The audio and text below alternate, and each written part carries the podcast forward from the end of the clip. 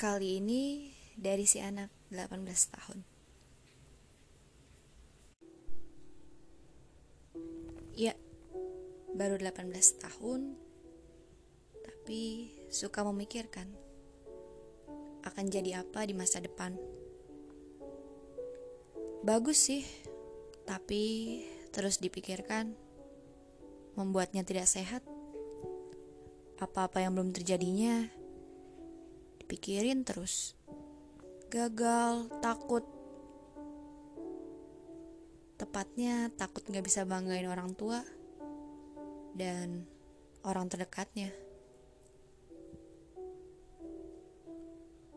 Hanya ada rasa takut gagal karena tidak sekali dua kali dia ngerasain kecewa atas usaha yang menurutnya sudah sangat dia upayakan. Dia kira dia saja yang kecewa. Bagaimana dengan orang tuanya?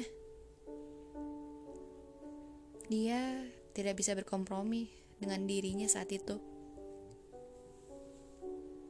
Dia tidak yakin dengan hari berikutnya apakah mungkin masih menjadi miliknya. Sampai pada hari berikutnya ternyata dia gagal lagi. Kecewa lagi. Dan rasa takut gak bisa jadi apa yang dia mau menumpuk di dalam hati.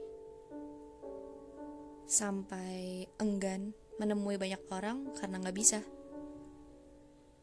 hmm, bukan rupanya dia bukan gak bisa lebih tepatnya malu malu atas diri yang terus gagal malu atas diri karena tidak juga bisa membuktikan kalau dirinya bisa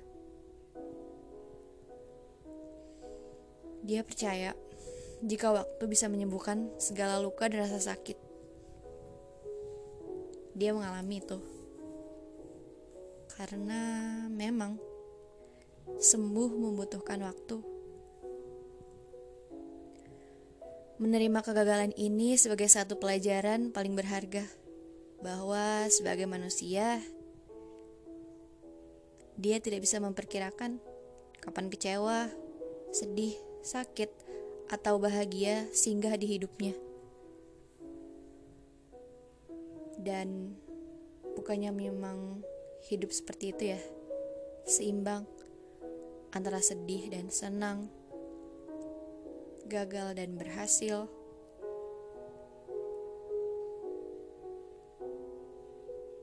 Dia memang pernah merasa tidak suka atas hal yang mungkin tidak pernah dia kehendaki sebagai manusia. Tapi akhirnya dia percaya bahwa itu tadi. Tuhan memang yang paling benar. Tuhan punya rencana yang lebih besar dibanding rencana-rencana yang dia buat. Sekarang memang belum mampu mencapai satu hal yang dia harapkan. Tapi tidak memutus usaha yang selalu dia upayakan. Dan jika gagal adalah jalan yang terbaik, mau tidak mau, terima itu. Sebab dia yakin lagi-lagi Tuhan adalah perencana yang paling sempurna. Setiap manusia punya kecewa atas diri mereka, atas hal yang menimpa mereka. Tapi kabar baiknya, manusia juga tetap punya kesempatan untuk terus mencoba. Hmm, rupanya dia pernah mencuri kata dari salah seorang bahwa untuk menjadi indah, kupu-kupu harus melalui proses panjang sampai akhirnya tumbuh sayap indah dan terbang bebas di atas langit.